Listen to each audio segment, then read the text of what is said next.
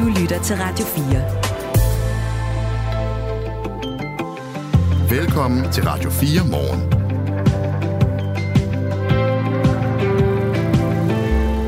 Anne, vi sidder begge to med sådan en udprintet billet eller boardingkort, mm. øh, som øh, Dansk Folkepartis Ungdom har uddelt øh, i nogle skoler i forbindelse med det, der hedder skolevalget, som altså er sådan nogle prøvevalg, hvor unge folkeskoleelever skal prøve at stemme. Og det her boardingpass, øh, der står der envejsbillet Danmark Mellemøsten. Altså som en kommentar til, at øh, folk fra Mellemøsten skal have en envejsbillet. Ja, og navnet er skrevet med øh, arabiske bogstaver. Mm. Mm.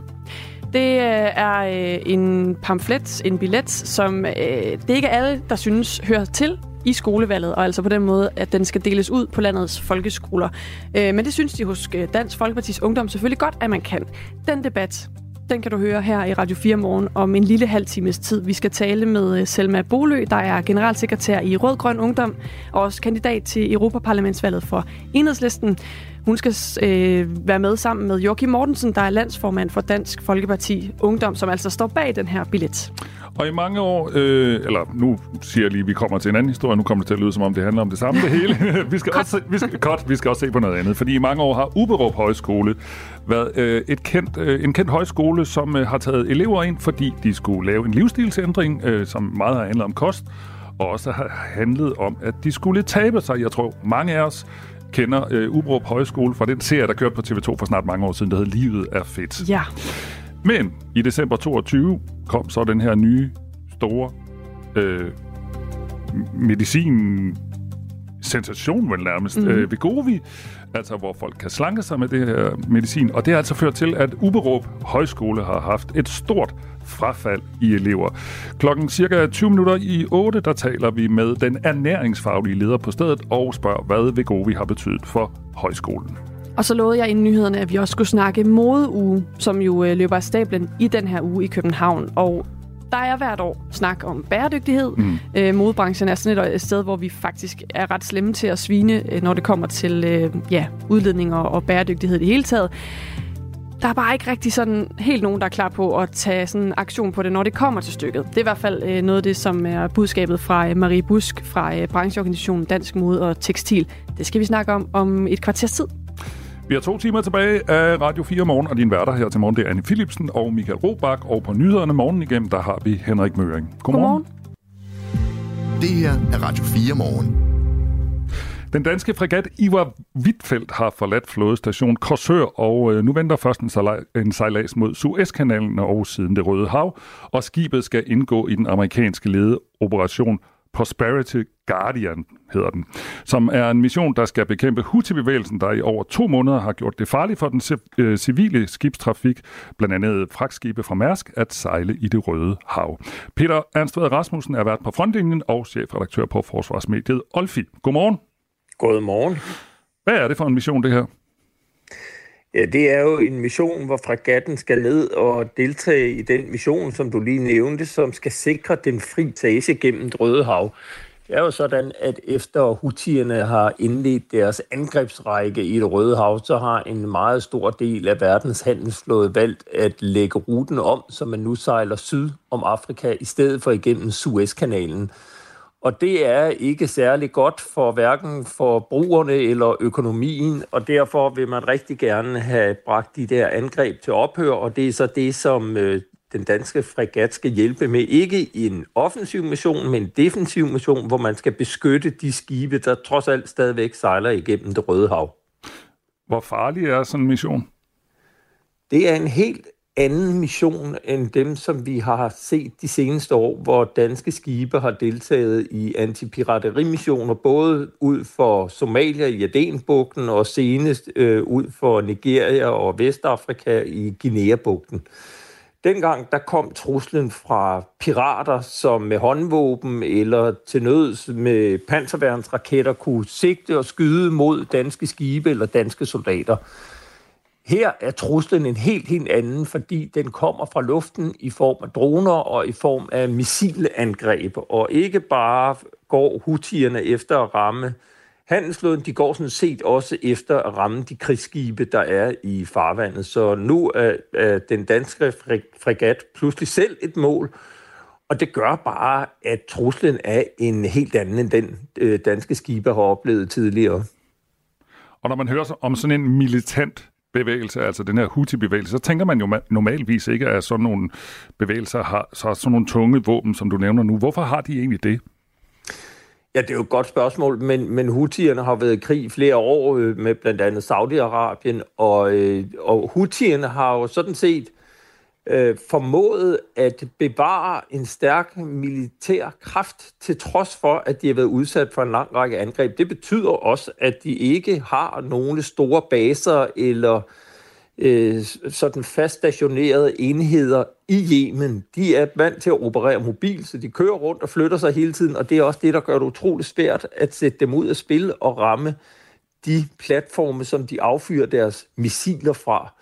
Så man kan i hvert fald sige, at øh, truslen var bed, og at det er, øh, det er i hvert fald et, et, et andet mål. Helt præcis hvorfor, at de har været i stand til at bibevare sin kampkraft, det kan jeg altid ikke svare på. Mm.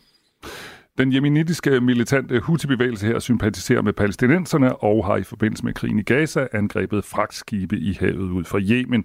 Og flere skibe er som nævnt blev ramt, og nu sender Danmark altså fregatten Ivar Wittfeldt afsted, og der skulle være ca. 175 mand ombord. Ivar Wittfeldt er en fregat, der er designet til at forsvare sig selv og sine omgivelser, eksempelvis, som du også nævnte, Peter, mod visse typer af missiler. Og de tungeste våben ombord er de såkaldte Sea Sparrow-missiler, som i øvrigt koster op mod 10 millioner kroner at affyre. Fregatten skal være sted i cirka to måneder og har alene mandat til at beskytte sig selv og civile skibe i området. De indgår i en bred koalition med blandt andre amerikanere og britter. Og lige nu der taler vi med Peter Ernst Rasmussen, som er vært på vores eget program Frontlinjen og redaktør på forsvarsmediet Olfi. Peter, de seneste år der har vi jo talt rigtig meget, og du har i hvert fald også om, at øh, forsvarsmateriel er gammelt og nedslidt osv. I hvilken stand er egentlig Ivar Wittfeldt? Altså selve fregatten er sådan set i øh, ganske fin stand. Den er kun en 15 år, mener jeg. Og men, men man kan sige, det der er det helt paradoxale ved det her, det er, at fregatterne blev bygget som luftforsvarsfregatter. Det vil sige, at de skulle kunne ligge i et område og lave en paraply og sikre et større havområde eller sikre styrker på land. Vi har bare aldrig nogensinde købt de missiler, der skulle gøre dem til luftforsvarsfregatter. Øh, og det betyder, at vi nu sender en fregat afsted med det, man kan kalde en halv bevæbning. Den har i hvert fald ikke det, som den burde have. Ja, den har Sea Sparrow-missiler, øh, som det kraftigste våben. Den har også en maskinkanon, og den har selvfølgelig håndvåben og, øh, og tungt maskingevær. Og det kan godt hjælpe til at nedskyde droner, men, men kan ikke rigtig forsvare sig mod ballistiske missiler, som øh, hutierne også sender ud i det røde hav. Og på den måde kan man sige, at, at vi sender en fragat, som, som mere er, den ser ud af mere, end den i virkeligheden er, fordi den har ikke det i sig, som den burde have. Og samtidig må man så også bare huske på, at forsvaret er ekstremt presset i øjeblikket, og søværnet er særligt presset på mandskabssiden. Man har i mange, mange år sejlet for kort på alle besætninger, og det betyder, at man ikke sejler med fuld besætning. Og den besætning, der nu er sejlet afsted mod det Røde Hav, er jo sammensat af mange forskellige besætninger for at få det hele til at hænge sammen. Og jeg noterer mig, som du også siger, at øh, den er tænkt kun at skulle være afsted i to måneder. Jeg har aldrig før hørt om en mission så langt fra Danmark, der kun skulle vare i to måneder. Det plejer minimum at være et halvt år. Og det siger noget om, hvor presset forsvaret er, og at den her opgave, den kommer på det værst tænkelige tidspunkt. Hvorfor?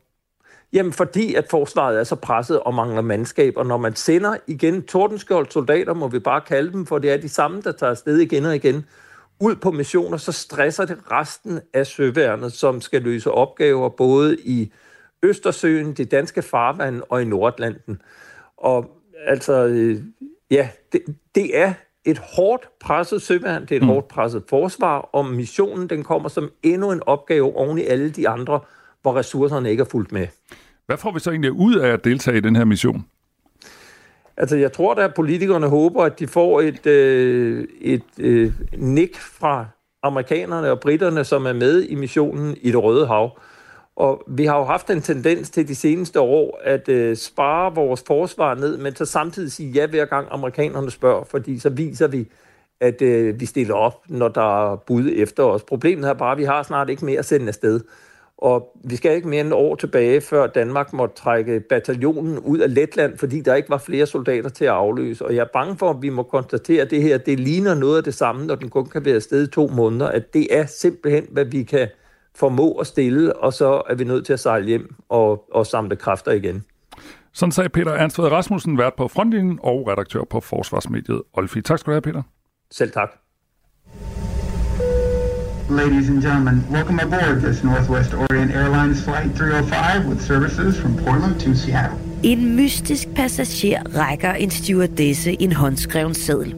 Miss, you'd better look at that note. I have a bomb.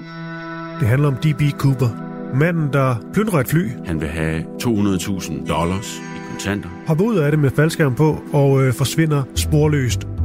Lyt med, når Krimiland genåbner sagen om den mystiske flykabrer DB Cooper i Radio 4's app, eller der, hvor du lytter til podcast. Det er den eneste uopklarede flykabring i FBI's historie. Radio 4. Ikke så forudsigeligt. Annie, i sidste uge der quizzede jeg dig, og du var rigtig god faktisk. Mm, tak. Nu har jeg lavet en ny quiz til dig. Nå. Øh, Sidste uge var du god til at gætte stemmer. Ja. Nu, nu er det noget andet. Det er den 30. januar, øh, januar i dag, Ja. så jeg besluttede mig for at udsætte dig for en dato-quiz. Altså ting, der er sket den 30. januar. Ja. Er du klar? Ja. Ja, siger du tøvende. Nå, jeg skal nok være sød. Øh, I dag er det præcis 55 år siden, at en meget kon- øh, berømt koncert fandt sted på toppen af et tag i London. Det blev samtidig en afskedskoncert. For et band. Ja, Ja. det er mit spørgsmål. Hvilket band var det? Det er altid forfærdeligt, når nogen siger, at det er meget berømt. Fordi så tænker man, det burde man vide. Jamen, jeg skal vi så ikke bare lige sige, at du er født i 1995, Jo, så den her koncert er nogle år før du blev født. det må man sige. Øh, kan du komme med en ledetråd? Ja, den kommer her.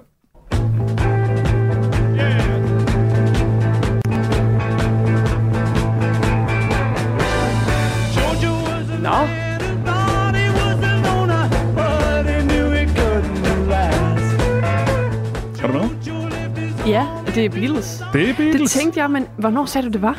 55 år siden. 1969. Nå, det var fordi, jeg, det lyder som en dårlig undskyldning. Jeg troede, du sagde i 1955. Så tænkte jeg, det kan ikke passe. Nå, okay. Gud. Nå, ja, ja. Selvom du fik hjælp, så får du også et point, hvis vi kører med det. Ja, lad os gøre En, det. en rigtigt. Øh, og øh, det var jo altså deres afskedskoncert, altså på det her tag i London i 1969. Og når man tænker over det, hvor stor betydning Beatles ja. Ja. har fået, så tænker man, det var egentlig en kort karriere, Ja, det var bandet det. havde. De startede med deres første koncert i Hamburg i 1960. Ja, det er helt vildt, hvad de nåede. Og hvilket aftryk de satte. Så kommer spørgsmål to. Ja. I dag er det præcis 43, 43 år siden, 43 år siden, Ja. at landets mest berømte travhest døde.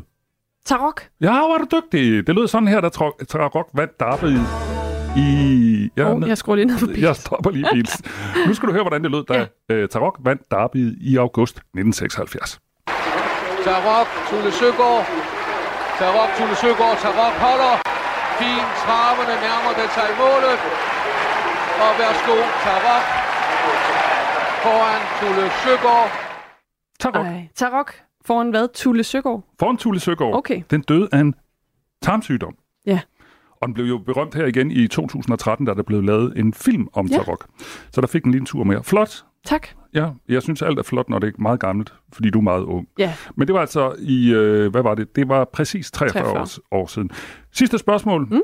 Vi kan også lige nå en fødselsdag, fordi en øh, musiker, sanger og trommeslager fylder 73 år i dag. Nå, så sad jeg lige og ventede på Ja, en du, ledetråd. ja vil du have en ledetråd? Ja, det tror jeg. Okay, Ah, Phil Collins. præcis. Man skal bare lige høre den her. Så, Ej, er man, godt. så er man ikke så meget i tvivl. Ej. Det er simpelthen Phil Collins, og det her, det tror jeg måske er et af verdens mest berømte trommebreaks. Det tror jeg også. Phils, Ja, Phil's faktisk. Ja, det er sådan, man hedder Phil. Det er sjovt. Ja, og Mm. det er simpelthen fra In the Air Tonight fra 1981.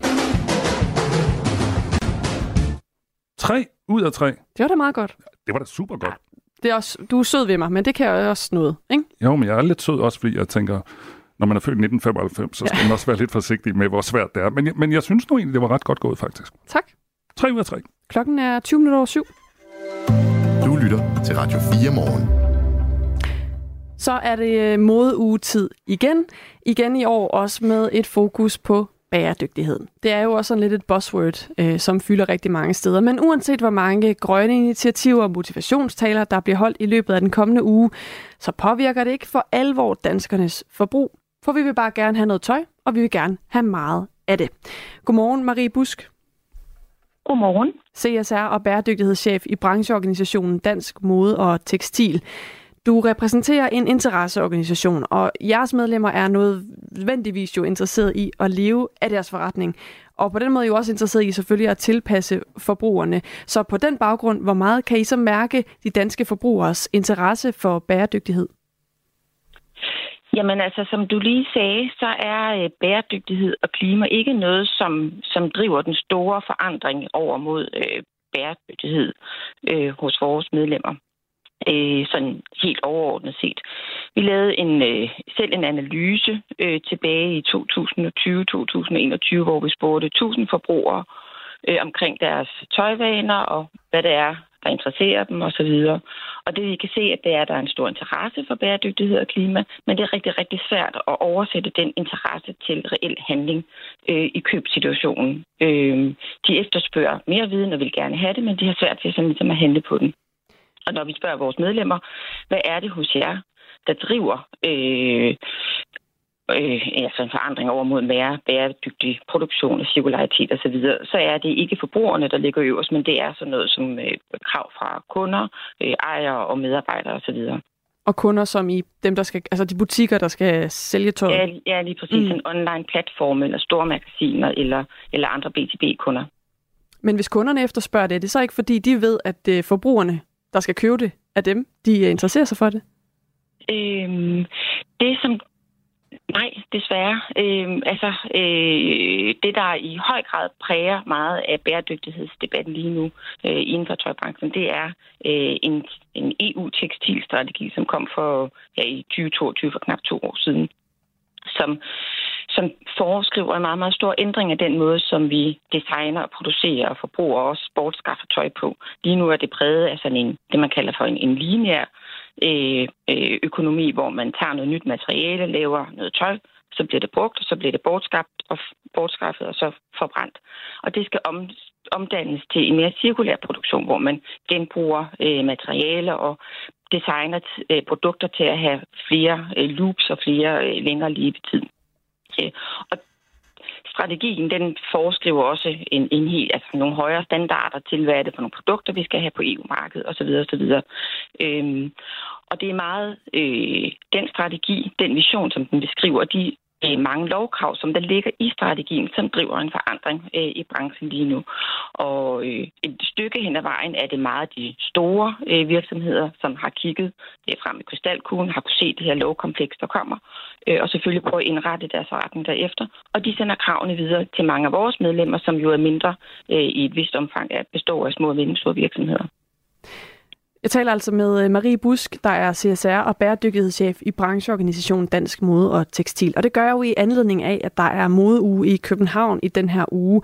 Øh, det er ikke nu, jeg nogensinde har deltaget i. Det er der helt sikkert rigtig mange, der lytter med, der ikke har. Så Marie Busk, hvis vi skal sådan spore os lidt ind på, hvad sådan en uge egentlig kan flytte overhovedet. Nu startede vi med at snakke om, at, at der er jo et fokus på bæredygtighed, øhm, men samtidig er det måske ikke noget, der sådan påvirker danskernes forbrug. Men kan sådan en modeuge her og det fokus, der ligger der, egentlig alligevel flytte noget i forhold til den her bæredygtighedsagenda? Øh, Jamen det synes jeg jo. Øh, nu var jeg selv til åbning af modeugen i, øh, i går, og det som, det, som der øh, i hvert fald bliver, bliver, bliver talt meget om, det er bæredygtighed.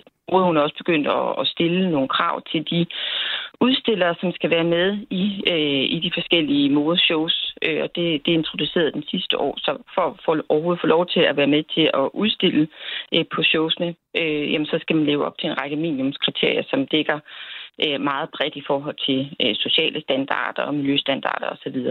Og den er jo også med til at skabe øh, en debat omkring mode og, og tale omkring mode. Så, så jeg tror, at, at i høj grad den er med til at flytte, altså øge bevidstheden øh, på, øh, at mode og vores tøjforbrug øh, sætter et aftryk på klimaet og på miljøet, og at vi som forbrugere godt kan, kan gøre noget. Øh, jeg tror bare også, at vi har brug for noget endnu mere, øh, hvad kan man sige, øh, motivation som forbrugere til at gøre noget. Øh, til at ændre vores vaner. Der, der er en ting, jeg også lige vil nævne, det er jo, det kan jo være rigtig, rigtig svært som forbruger at finde ud af, hvad der er det gode at gøre. Altså, mm. Er det bedre at købe en økologisk t-shirt, eller skal jeg købe en t-shirt, der er lavet af genanvendte fibre, eller skal jeg købe genbrug? Hvad skal jeg gøre? Det, det, er, det er meget, meget svært at finde ud af. Det er faktisk også svært at finde ud af som virksomhed. Øhm, og det skaber jo en, en, øh, altså en, en, øh, en passivitet, fordi man ikke ved, jamen, hvad er det gode egentlig at gøre? Og på den måde, så er det jo også øh, et, et, et eksempel på, at der er rigtig mange aspekter af det her. Altså, der er jo dels det, at der kommer rigtig meget tøj hele tiden. Øh, kæder som Zara og H&M, de kommer med op til 24 kollektioner om året. Øhm, der er også nogle af de der sådan, øh, kinesiske, det man kalder fast fashion giganter, øhm, hvor man kan se, købe noget tøj rigtig, rigtig, rigtig billigt, og på den måde jo virkelig også kan skifte ud, selvom man øh, ikke vil bruge ret mange penge på det. Øh, og så er der det her med, hvordan man som forbruger egentlig skal navigere, hvis man nu går i en butik og gerne vil købe noget, der er bæredygtigt der er det jo så også øh, svært for os som forbrugere at gøre ret meget andet end at danse efter, øh, efter jeres pibe i et eller andet omfang, altså dem, der producerer tøjet. Hvad kan I som øh, brancheorganisation øh, gøre her for at, at gøre det her enklere for forbrugerne? Øhm, jamen, vi, vi kan jo støtte op omkring den lovgivning, der kommer. Vi kan hjælpe vores medlemmer om at sige, prøv her, der kommer det her lovkompleks, der kommer det her krav, det er nu, vi skal omstille til at gøre tingene på en bedre måde.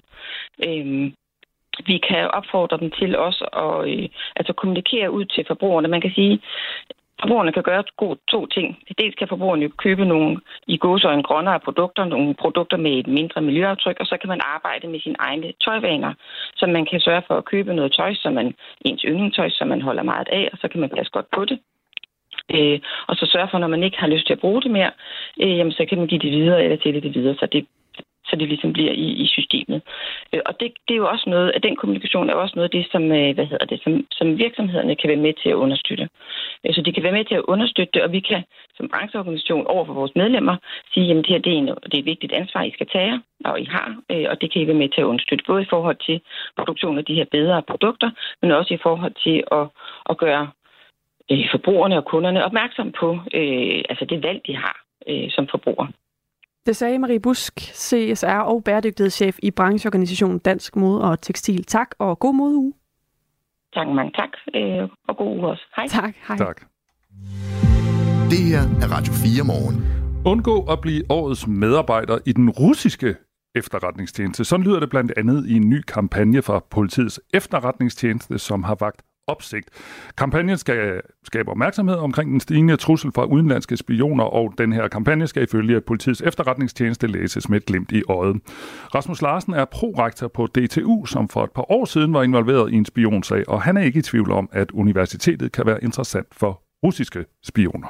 Når vi som et, øh, et teknisk universitet øh, er internationalt førende på en lang række områder, og oven i det har et betydeligt industrisamarbejde med virksomheder, der også er internationalt førende på deres felter, så tror jeg ikke, man skal blive overrasket over, at der er nogen, der, der vil forsøge at få uretmæssig adgang til, øh, til vores universitets eller vores partners forskning eller data. Det var en russisk ingeniør, der i en årrække var tilknyttet DTU, som i 2020 blev anholdt for spionage gennem en årrække. Og en lignende sag fylder lige nu i Estland. Her er en russisk professor blevet anholdt for at spionere mod Estland for Putins Rusland. Men hvor stor skade kan universitetsprofessor egentlig gøre? Det spørgsmål har programmet Verden kalder set nærmere på. Ifølge André Kent Jacobsen, som er adjunkt på Syddansk Universitet, så skal man ikke undervurdere den skade, en uærlig universitetsansat kan gøre. Det, som vi kan gøre skade med og arbejder på universitet, det er jo viden. Øhm, så, så det vil jeg sige. Altså, det er, man, man skal slet ikke undervurdere, hvor stor en berøringsflade han øhm, har haft og det er jo så noget, som russiske efterretningsagenter, de jo ikke selv kan opstøve. Altså, der overtager man jo så al den viden, som han ligesom kan, kan komme i nærheden af. Øhm, og det kan jo være øhm, altså især noget, der foregår på de indre linjer. Øh, den slags professorer laver jo også for eksempel interview, eller hvad det nu kan være med embedsfolk, som udtaler sig på baggrund af at være anonyme, for eksempel. Øh, og der får man sådan noget at vide, som man normalt ikke vil få at vide. Og hvis han har fået en interviewguide fra sin føringsofficer, jamen altså, så er det jo, øh, så er det jo oplagt, at han øh, kan gøre skade med viden. Sådan sagde André Kent Jacobsen, som er adjunkt på Syddansk Universitet, og det er altså på den her historie, hvor politiets efterretningstjeneste lige nu er ude med en kampagne og blandt andet siger, undgå at blive årets medarbejder i den russiske efterretningstjeneste. Lige om lidt skal det handle om en envejsbillet. Jeg står med den her, i hvert fald i printet form. Den øh, kommer fra Dansk Folkeparti Ungdom og er en del af en kampagne til skolevalget, der er på landets folkeskoler lige i øjeblikket. Din værter her til morgen, det er Anne Philipsen og Michael Robach, og hen ved nyhedsbunken, der sidder Henrik Møring.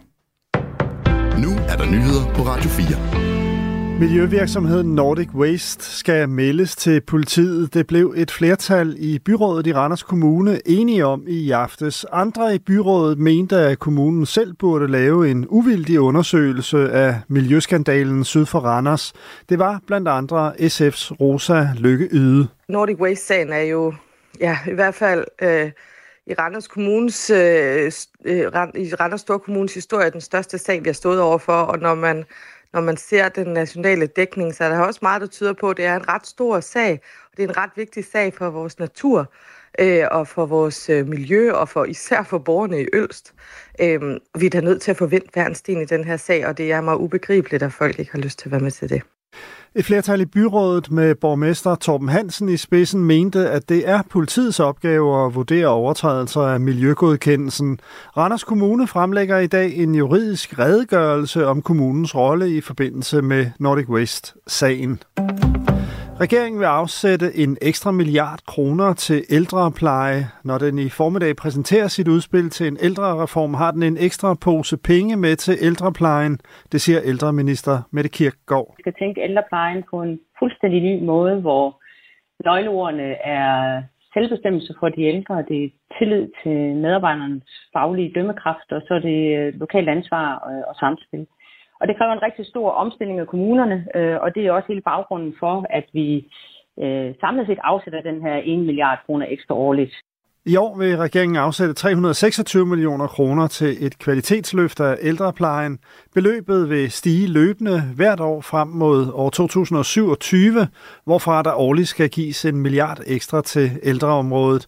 Derudover vil regeringen fra i år til og med 2027 samlet afsætte godt 550 millioner kroner til øvrige initiativer i udspillet til ældrereformen. Regeringen vil med sit udspil oprette et nyt tværkommunalt ældretilsyn, give de ældre bedre mulighed for selv at bestemme, hvad de skal have hjælp til, og gøre det muligt for kommunerne at oprette lokalplejehjem. Det israelske militær hævder at have neutraliseret tre palæstinensiske soldater, som skjulte sig på et hospital i byen Jenin på Vestbreden. Den ene af soldaterne, en 27-årig mand, plan- planlagde ifølge militæret et nært forestående angreb, inspireret af det 7. oktober, hvor 1200 israelere blev dræbt af den militante palæstinensiske gruppe Hamas. Oplysningerne er ikke bekræftet af andre. Ifølge militæret var den 27-årige i kontakt med Hamas udenlandske hovedkvarter, mens de andre var henholdsvis medlem af Islamisk Jihad og en uidentificeret lokal gruppe. Den 27-årige planlagde at udføre et nært forestående terrorangreb og brugte hospitalet som skjulested og blev derfor neutraliseret, oplyser militæret.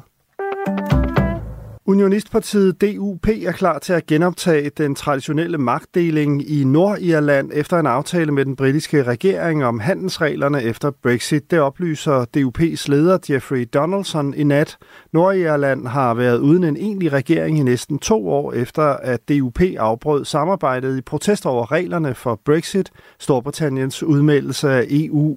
Den nye aftale, der markerer slutningen på et af de sværeste elementer i Storbritanniens udmeldelse af EU, EU skal nu endeligt godkendes af den britiske regering.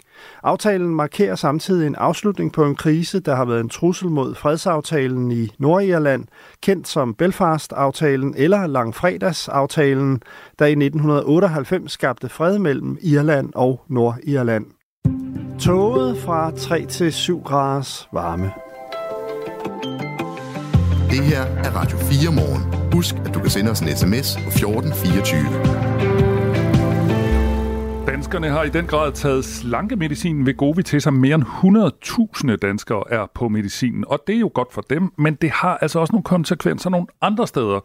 Mange kan nok huske øh, Uberup, Uberup Højskole på Sjælland fra tv-serien Livet er fedt. Og den der højskole har jo netop specialiseret sig i folk, der har lyst til at tabe sig. Men her kan man virkelig mærke, at der er masser af mennesker, der nu er på Vigovi, og der er en ret stor elevnedgang på grund af det. Om øh, cirka 8-10 minutter, der taler vi med Cecilie Skov Larsen. Hun er ernæringsfaglig leder på Uberup Højskole. Det er Radio 4 morgen. Du lytter til med øh, Michael Robach. Og Anne Philipsen. Du lytter til Radio 4. Og nu skal det handle om en envejsbillet, som jeg står et, øh, med et print med øh, her. Det er destinationen, der er Mellemøsten, boarding kl. 8, gate A14, sæde 15.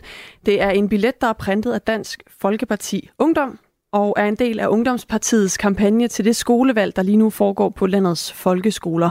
Så det er altså en billet, der bliver delt ud til mange folkeskoleelever i de her dage. Og også en billet, der har sat godt gang i debatten til det her skolevalg.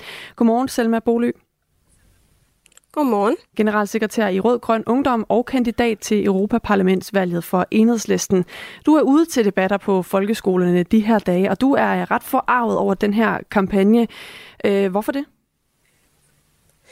Øhm, jamen, altså, jeg synes ikke, det er i orden at dele de her flyers ud til skoleelever.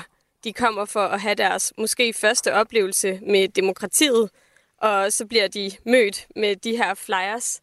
Øhm, jeg får helt ondt i hjertet af at tænke på alle de elever med minoritetsetnisk baggrund, der ligesom er mødt op til de her debatter for at få deres første oplevelse med demokratiet, og så får en flybillet stukket i hånden med budskabet om, at de hurtigst muligt skal væk fra det land, de kender som hjem. Og uanset hvad, er det ikke en ordentlig måde at behandle børn på. Jeg siger også lige godmorgen til øh, dig, Joachim Mortensen. Godmorgen. Du sidder i en øh, bil, vil jeg bare lige sige, hvis man synes, der er lidt vejstøj. Men vi vil rigtig gerne tale med dig, for du er jo landsformand i Dansk Folkepartis Ungdom, og altså på den måde også en af afsenderne bag øh, det her, den her kampagne med de her øh, flybilletter. Hvad tænker du om øh, den kritik, du hører her? Jamen, jeg forstår faktisk slet ikke kritikken, fordi jeg kan ikke se, hvem der er, der skal føle sig stødt over vores kampagne.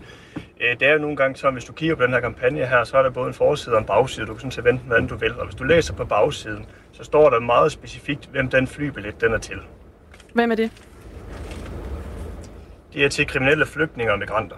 Og hvis du går ind i skolevalgsånden, jamen, så er det jo faktisk også sådan, at der er jo valgt en række mærkesager. Og en af mærkesagerne hedder jo lige præcis øh, udvisning af flere straffede udlændinge. Og det er en af vores, og så er det jo egentlig bare en ganske naturlig måde at skildre en af mærkesagerne, og det er jo en af måderne, man normalt også gør under et normalt demokrati.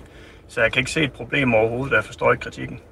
Det, som øh, vi hører selv med øh, Bolig fortælle her, er jo, at øh, hun er bekymret for, at det her er, kan blive noget, der sådan kan blive delt rundt i klassen. Altså, når man, når man deler det her ud til folkeskoleelever, kunne der være nogen, der så synes, det var sjovt at, at give det til en i klassen, der måske har en anden etnisk øh, baggrund, og på den måde ligesom kunne bruge det lidt øh, imod dem. Hvad tænker du om den kritik?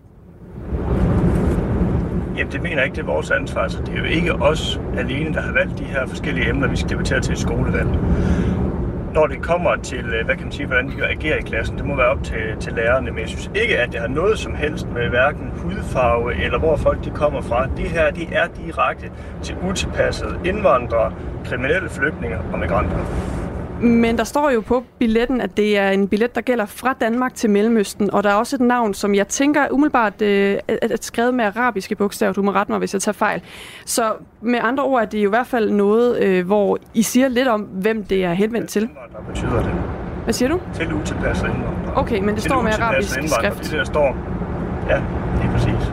Så når der står noget, altså det er til Mellemøsten, det er med arabisk skrift, kan du så ikke være bekymret for, at det øh, kan være med til at, sende et signal til øh, folkeskoleeleverne om, at de, de øh, børn og unge, der går i deres klasse, som har arabiske rødder, at de, den her billet, den er faktisk til dem?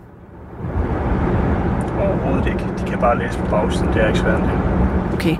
Øh, jeg vil lige bede dig om, hvis du kan, at tage mikrofonen tættere på munden, øh, Joachim Mortensen, for vi får mere lyd af bil lige nu, end vi får dig. Vi vil jo rigtig gerne høre, hvad du øh, siger. Og imens du lige gør det, så byder jeg lige dig øh, velkommen i, i debatten her igen, Selma Bolø.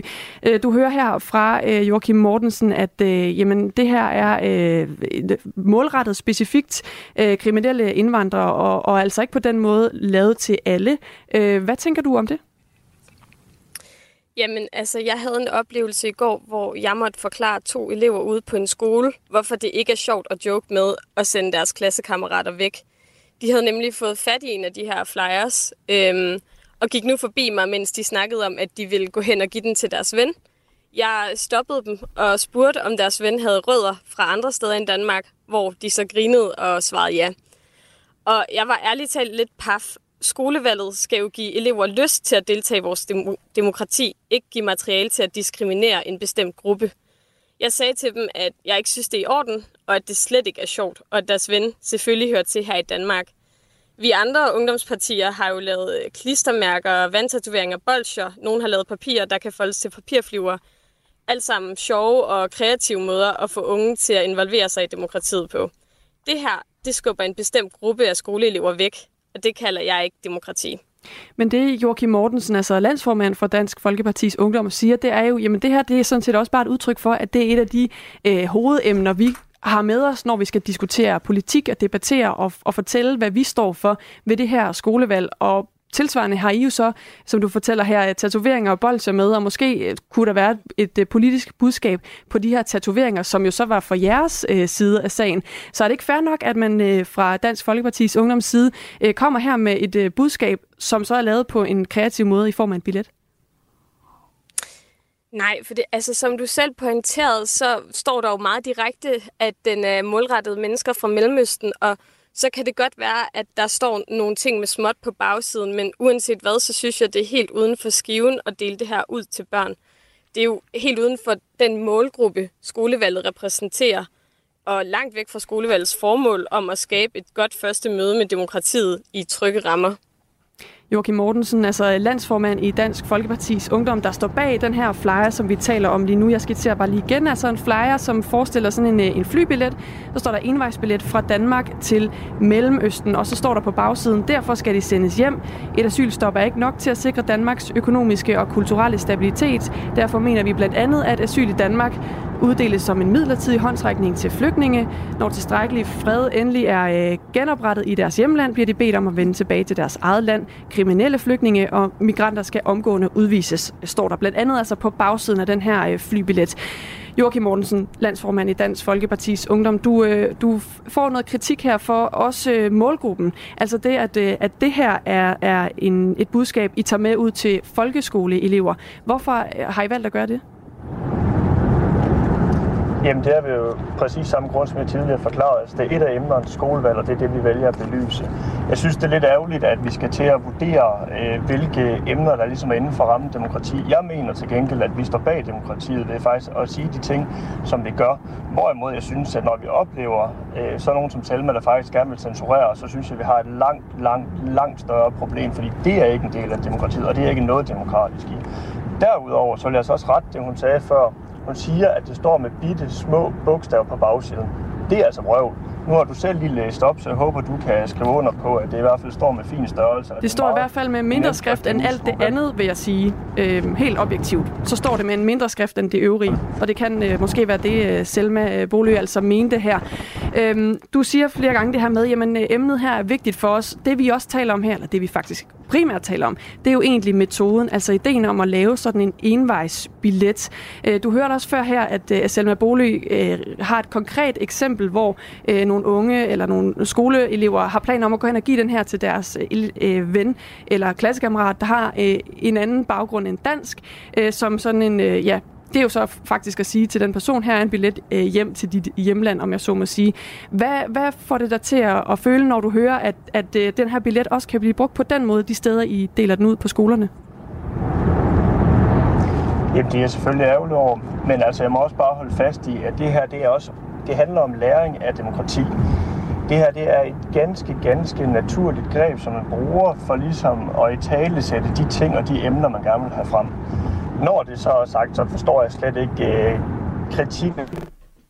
For vi, vi skal lære de unge om demokrati. Vi skal ikke hele tiden gå ind og beskytter alle folkefærd og det hele, fordi det er ikke en del af demokratiet, det er en åben dialog. Vi har lidt øh, sådan knas på linjen, og det er det, der er lidt øh, vilkår, når man har nogen med fra en bil. Men vi er glade for, at øh, det trods alt kan lade sig gøre at have dig med, Joachim Mortensen, øh, altså landsformand i Dansk Folkepartis Ungdom. Jeg tænker, hvis vi lige øh, giver dig et minut, så får forbindelsen lige lov til at øh, stabilisere sig, og så kan vi i mellemtiden måske lige tage nogle sms'er, der er kommet til øh, Selma. Ja, Selma, du har fået en sms på øh, 1424, øh, og øh, du får lige en her. Den er fra Steve. De flyers er jo netop en del af demokratiet, da de repræsenterer en holdning, en del af folket deler. At forvente, de ikke deles ud af direkte udemokratisk, så pigen i interviewet, det er så nok dig, skal måske læse lidt om begrebet. Hvad siger du til det, Selma? Er I ved at lave censur? Nej, det vil jeg ikke sige, vi er. Altså, vi har alle sammen et ansvar for at sige fra over for diskrimination, når vi oplever det. Og vi har alle et ansvar for at opretholde en god debatkultur, der ikke diskriminerer. Det står også meget sort på hvidt i det debatmateriale, du har sendt os på forhånd, at vi skal opretholde en god debatkultur og holde en gode tone over for hinanden. Jeg synes, det er så vigtigt, at de unge får en god og inkluderende oplevelse med demokratiet, uanset hvilken baggrund de har. Og du, det er Dansk Ungdomsfællesråd, skal vi måske bare lige understrege, som er dem, ja. der arrangerer det her skolevalg. Er du frisk på en sms mere? Ja, kan jeg komme med den. Øh, det er Martin, der skriver til dig. Jeg er også rødgrøn, men synes det er inden for skiven, når DF skriver, som de gør. Her er det netop tydeligt, hvad nogen vil eller synes, og, de burde, og det burde få dem, der mener noget andet, til at engagere sig, stemme og dermed øh, tage del i demokratiet.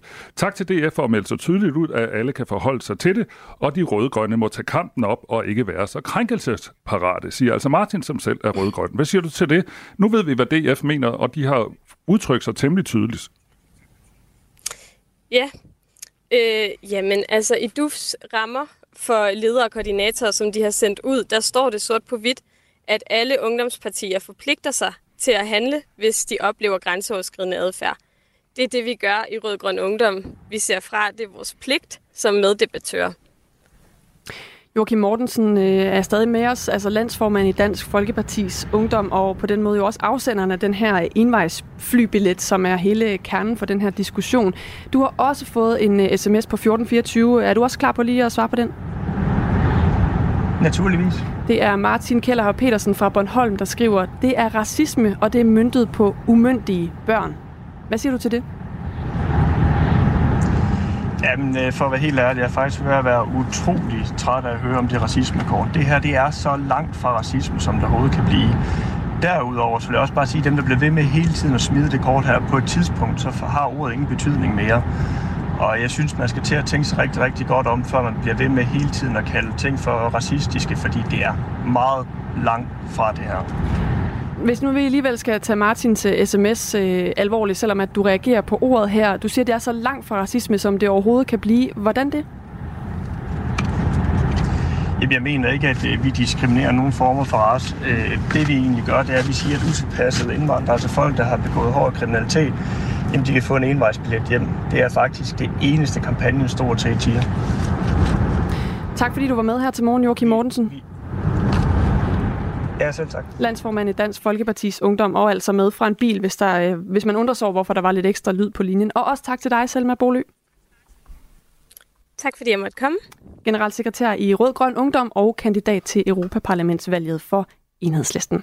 Klokken er 7.47. Det her er Radio 4 morgen.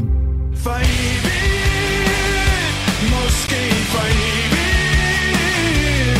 skal vi sammen,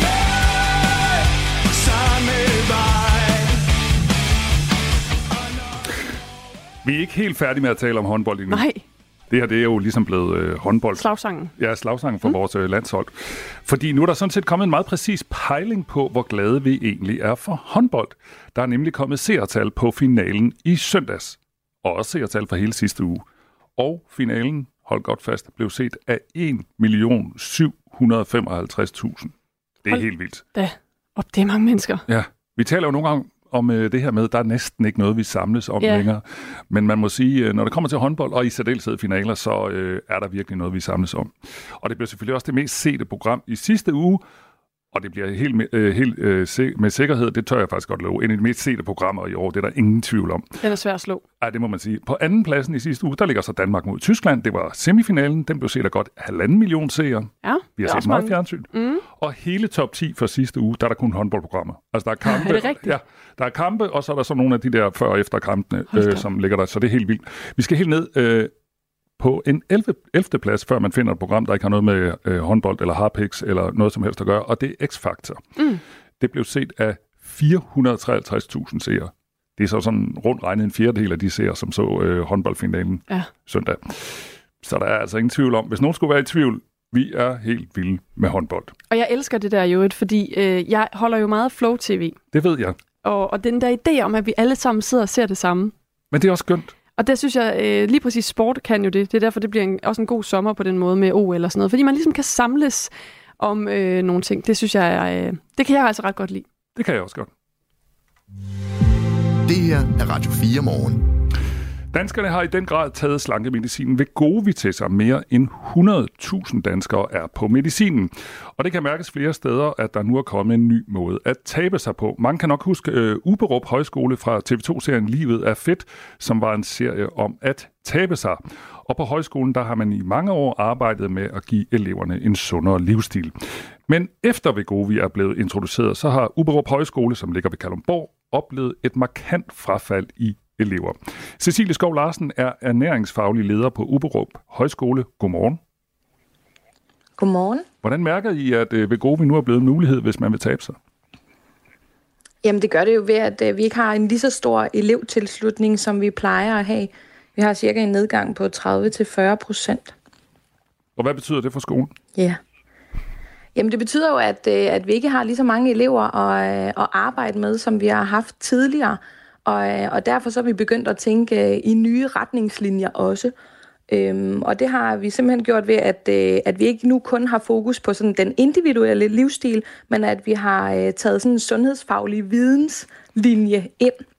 Så hvis det er, at man, øh, at man har interesse for sundhed, eller få en viden om sundhed, eller arbejder med faget sundhed, så, øh, så har vi lavet en retningslinje for, at man kan komme og blive klogere der. Mm. Da det her ved Govi, da ja. I sådan hørte øh, om det første gang, øh, havde I så regnet med, at det ville give sådan et øh, 30-40 procents fald i øh, elevtilslutningen? Nej, nej, det havde vi virkelig ikke. Øh, nu har vi jo været igennem, øh, der er jo slankeindustrien øh, udvikler nye produkter hele tiden, og øh, der tænker vi, at øh, ligesom nu på øh, alle de andre slankemedicin, eller ikke medicin, men øh, produkter, at det, vil, øh, at det vil måske give et lille nedfald, men bestemt ikke så markant som øh, Wegovy. Mm. Jeg taler med Cecilie Skov Larsen, som er ernæringsfaglig leder på Uberup Højskole, som altså er en højskole, der er med til at ændre elevernes livsstil, og som nu mærker, at Vegovi er blevet meget populær for folk, der vil tabe sig. Nu sagde du, I har lavet lidt om på øh, nogle af de kurser, I har. Hvad har I ellers gør, øh, gjort for at tænke ud af boksen? Altså, kunne man forestille sig, at Uberup Højskole simpelthen skal være noget helt andet i fremtiden? At den ikke skal være en, øh, en højskole med fokus på at tabe sig og sundere livsstil? Nej, vi holder fast i vores kernekompetencer, fordi det er det, vi synes, at øh, vi er virkelig gode til. Og vi tror på, at, øh, at øh, tiden vil ændre sig i takt med, at, øh, at we go i. For langt de fleste er en, øh, en slankekur, jamen så, finder, så tror vi på, at de finder ud af, at, øh, at man ikke spiser kun øh, på sult, men at det handler om øh, følelsesmæssig spisning. Og øh, når vi snakker følelsesmæssig spisning, jamen så we go i lukker ned for, øh, for hele følelsesregisteret omkring øh, mad, og man ikke kan bruge det. Og hvad kan man så? Så det skaber altså ikke trivsel øh, udelukkende ved at, øh, at tabe sig. Det kommer indenfra. Så man skal finde frem til den ubalance, der er. Og det er det, vi mener, at vi kan med den sunde livsstil. Og det er ikke For bare... sund livsstil er ikke kun at tabe sig. Og det er ikke bare noget, du siger for ligesom at holde liv i højskolen? Nej, nej, det er det ikke. Det er 100 procent, at jeg går ind for, at, øh, at vi skal have trivsel, og vi skal mærke grundglæden, og øh, det findes ikke kun udelukkende ved vægttab. Mm. Vi skal leve vores liv lige meget, hvad vi vejer, og øh, det er det, at trivselen kommer fra. Fedmemedicinen Vegovi har været på det danske marked i lidt over et år, og som jeg nævnte før, så er allerede nu over 100.000 danskere hoppet med på Vegovi-vognen, hvis man nu skal sige det lidt øh, populært. Og jeg taler med Cecilie Skov Larsen, som er næringsfaglig leder på Uberup Højskole, og Uberup Højskole, der ligger ved Kalundborg, blev landskendt for en, ja, det er nok en 20-25 år sned, øh, siden, da øh, den her TV2-serie Livet er fedt var en kæmpe stor succes. Hvor bekymret er I så egentlig for Uberup Højskole sådan fremtid, hvis nu, øh, nu ser jeg, at der allerede er 100.000 danskere, der øh, øh, har prøvet eller er på Vegovi. Altså, hvor bekymret er I for øh, skolens fremtid? Jamen, øh, vi er egentlig ikke så bekymrede, fordi vores nye tilgang, i og med at vi åbner op for øh, den sundhedsfaglige tilgang også, så det ikke kun er det individuelle, så tror vi på, at, øh, at det nok skal lykkes. Vi tror, at det er en bølge, som, øh, som alt muligt andet, som, øh, som falder igen, og folk får interessen for, øh, for den øh, helt særlige trivsel. Men uden jeg er slankeekspert, ja. så kunne jeg jo godt stille spørgsmålstegn ved, om det er en bølge, fordi sådan set udefra i hvert fald, uden at være ekspert, så er det her jo et middel i forhold til så mange andre, som rent faktisk virker. Ja, og det gør det, men det gør det også på den lange... Altså, du skal tage din medicin resten af dit liv for, at det virker. Og øh, det tror jeg, at det er de færreste, der har lyst til at øh, sprøjte medicin ind i sig selv resten af deres liv. Øhm, så, og ikke for, at jeg kun er imod WeGo, fordi det er jeg bestemt ikke. Jeg synes, at det er et helt genialt koncept også.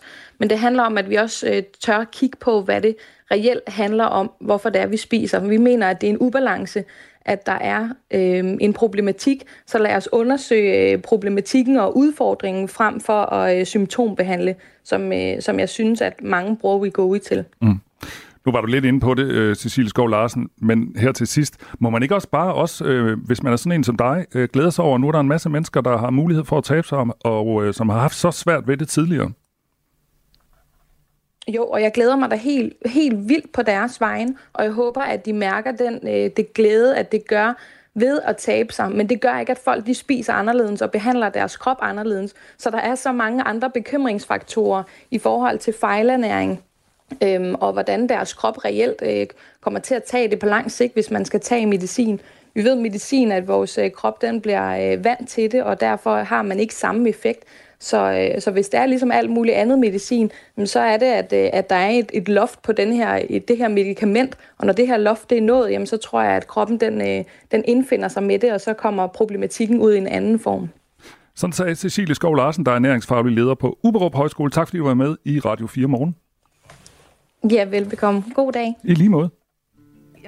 Tal på, hvor mange gange jeg har hørt fra folk, ej, I er bare sådan power couple. Skilsmisse, livskrise og en familie, der pludselig skal være to. Og I kan bare det hele. Hver uge inviterer Marie Sloma Kvartrup en kendt dansker ud i sin kolonihave til en samtale om knuste hjerter. Og så knækker jeg fuldstændig sammen. Jeg falder til gulvet. Splittede venskaber. Der knækkede filmen. Der kunne jeg ikke mere. Og hvordan man rejser sig og kommer videre. Og det gik jo også op for mig, at alt det, han har bildt mig ind, det er jo en stor fed løgn. Lyt til Skilsmissen i Radio 4's app, eller der, hvor du lytter til podcast.